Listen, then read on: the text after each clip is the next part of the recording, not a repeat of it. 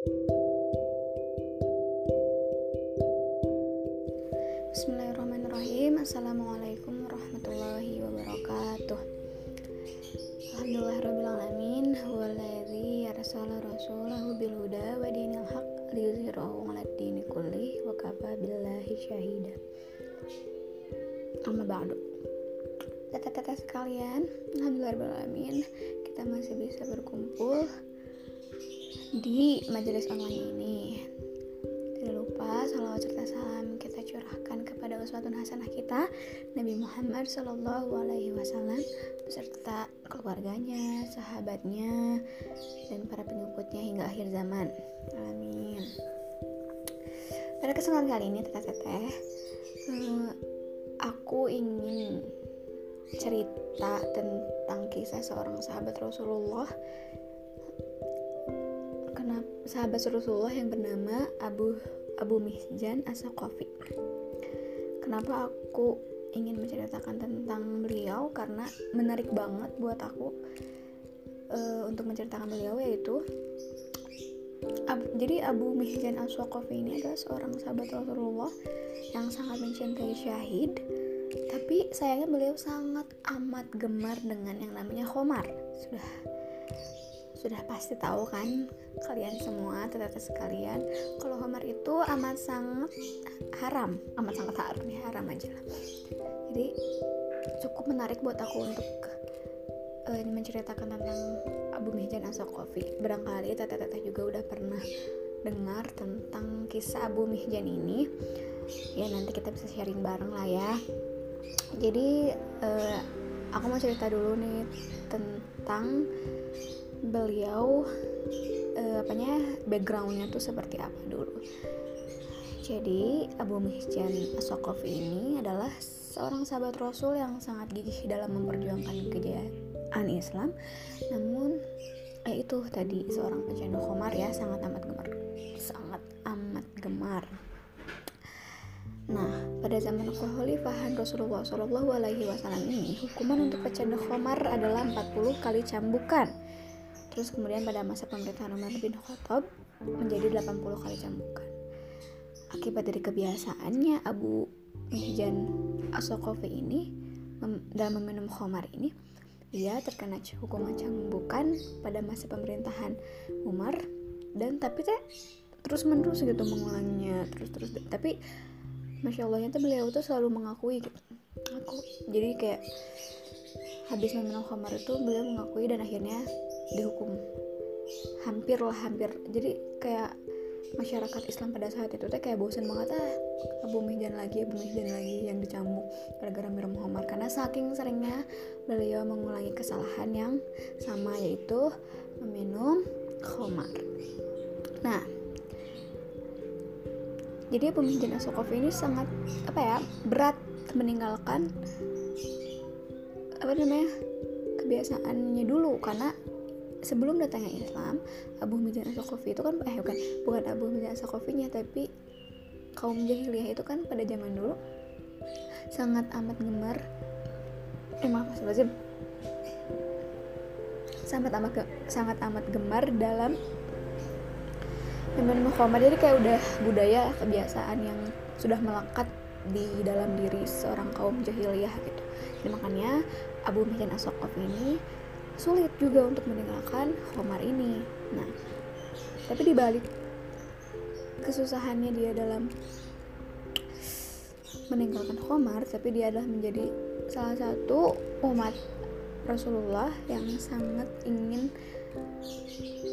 memenangkan Islam itu. Jadi dia tuh beliau tuh sangat ingin syahid gitu. Jadi kayak beliau tuh suka Homar tapi dia tuh beliau tuh sangat ingin syahid gitu. Jadi menurut beliau salah satunya salah satu cara beliau untuk tidak meminum khamar lagi itu adalah dengan meninggalnya beliau di perang. Jadi ingin syahid aja dalam perang. Begitu nah. Jadi Abu Mihjan ini seorang pecandu khamar yang dikenal sebagai seorang yang piawai dalam berperang dan sangat bersemangat ketika berjihad. Selain itu, ia juga sangat menginginkan syahid ya, seperti yang tadi uh, aku bilang ya. Terus jadi ada kisahnya nih pada saat kaum muslimin berperang melawan Persia yang ada di bawah pimpinan Panglima Rustum Abu Mihjan dikurung oleh Panglima Sa'ad bin Abi Waqqas karena kebiasaannya minum khamar Bahkan ketika situasi genting menghadapi perang, selama di dalam kurungan, Abu Muslim benar-benar menyesali perbuatannya karena ia tidak bisa membantu kaum muslimin yang sedang berjuang melawan Persia. Ia memohon-mohon kepada istri saat untuk dibebaskan. Ia berjanji apabila ia masih diberi kesempatan hidup, seusainya perang, ia akan segera kembali lagi ke kurungan. Itu saking dia uh, pas mau perang tuh dia minum khamar dulu karena saking gak bisanya gitu nggak bisa nahan bener-bener gak bisa nahan untuk tidak meminum khamar. Jadi pas mau perang beliau mabuk dulu eh ketahuan terus dikurung gitu. Dan akhirnya sesaat mengabulkan permohonan tersebut dan membebaskan Abu Mihjan dengan menunggangi Al-Balqa kuda milik Sa'ad dan berbekal senjata Sa'ad. Sa'ad. Abu Mihjan pergi ke medan perang sambil menutupi wajahnya. Ia pergi ke tengah-tengah pertempuran dan berhasil membunuh Panglima Rustum dan Persia pun terkalahkan. Masya Allah ya. Akhirnya Islam memperoleh kemenangan dan sejak saat itu Abu Mihjan berhenti minum khamar. Ini Masya Allah ya.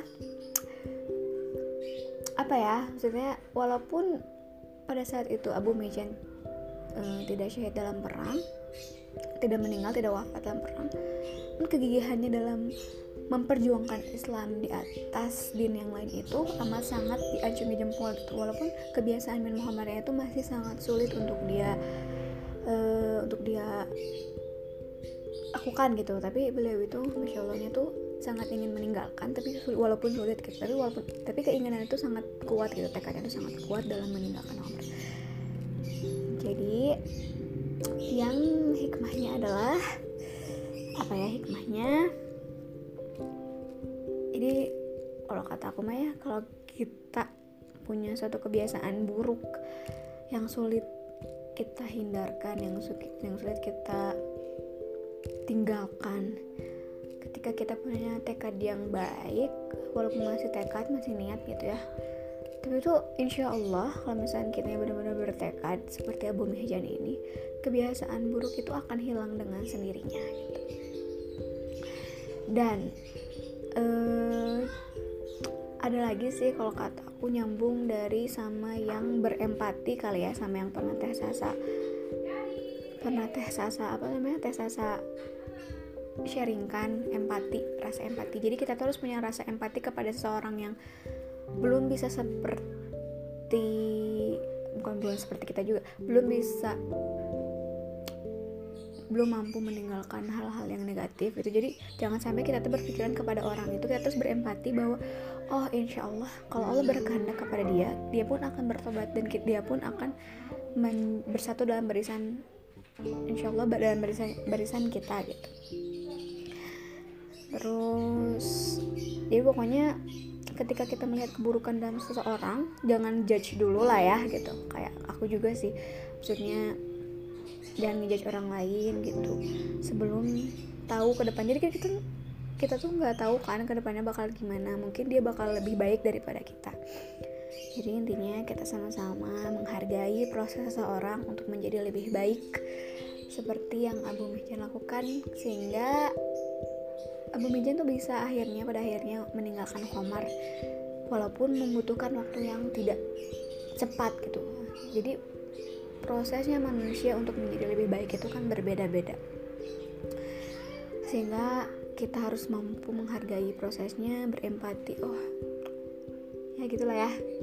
Wah, aku, aku nggak bisa ngomong apa-apa lagi. Pokoknya sangat menarik kisah Bu Mejan itu bahwa kita banyak banget yang bisa diambil dari mulai eh, kalau misalnya kita ingin merubah diri kita berarti harus kita kita harus menyatakan yang baik untuk mau merubah kita tuh harus husnuzon terus ke Allah. Kalau misalkan oh iya Allah tuh pasti bisa eh Allah tuh pasti ngasih jalan ke kita tuh ngasih ujian ke kita tuh sesuai apa yang kita mampu gitu. Jadi kayak gak mungkin kita tuh nggak bisa gitu. Jadi kita tuh pasti bisa.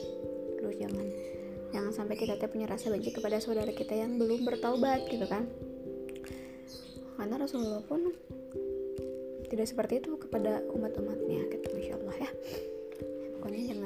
beranggapan bahwa yang kita lihat sekarang itu berdosa terus kita tuh bakal mikir itu tuh bakal berdosa sampai akhir. Enggak ya nauzubillah kalau misalnya kita punya pemikiran seperti itu.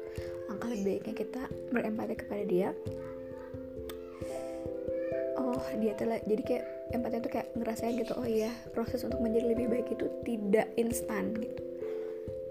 Tidak secepat apa yang kita bisa lakukan gitu jadi kita harus menghargai setiap prosesnya. Jangan memaksakan lah ya. Karena dia juga sudah memaksakan diri dia sendiri gitu. Makanya jadi jangan memberikan dorongan yang lebih kepada yang ingin berubah gitu kali ya. Ya itu juga untuk diri aku sendiri. Untuk semuanya. Terus apa lagi? Eh pokoknya itu sih dari aku mah ya. Maaf nggak bisa bikin powerpoint cuman bisa bikin yang kayak gini pokoknya intinya aku pribadi sih sangat kagum dengan Abu Abu Mihdan Asokofi ini karena mampu meninggalkan yang mudorot dan sangat mencintai Islam gitu kalau kata aku. Jadi kayak dia tuh lebih mencintai Islam daripada iya sih yang pasti ya lebih sangat mencintai Islam. Sehingga dia ingin meninggalkan Khomar walaupun susah sangat susah. Tapi akhirnya dia bisa. Insya Allah ya ya mungkin segini aja kali ya yang bisa Fitri sampaikan bisa aku sampaikan. Kurang lebihnya dari aku sendiri. Kalau misalnya ada salah-salah kata aku minta maaf Fitri minta maaf ya guys. Hmm, naon sih? Ya karena kesalahan datangnya dari aku dan kebenaran datangnya dari Allah Subhanahu wa taala. Ya cukup sekian ya yang dapat aku sampaikan. Uh, mangga ditanggapi Assalamualaikum warahmatullahi wabarakatuh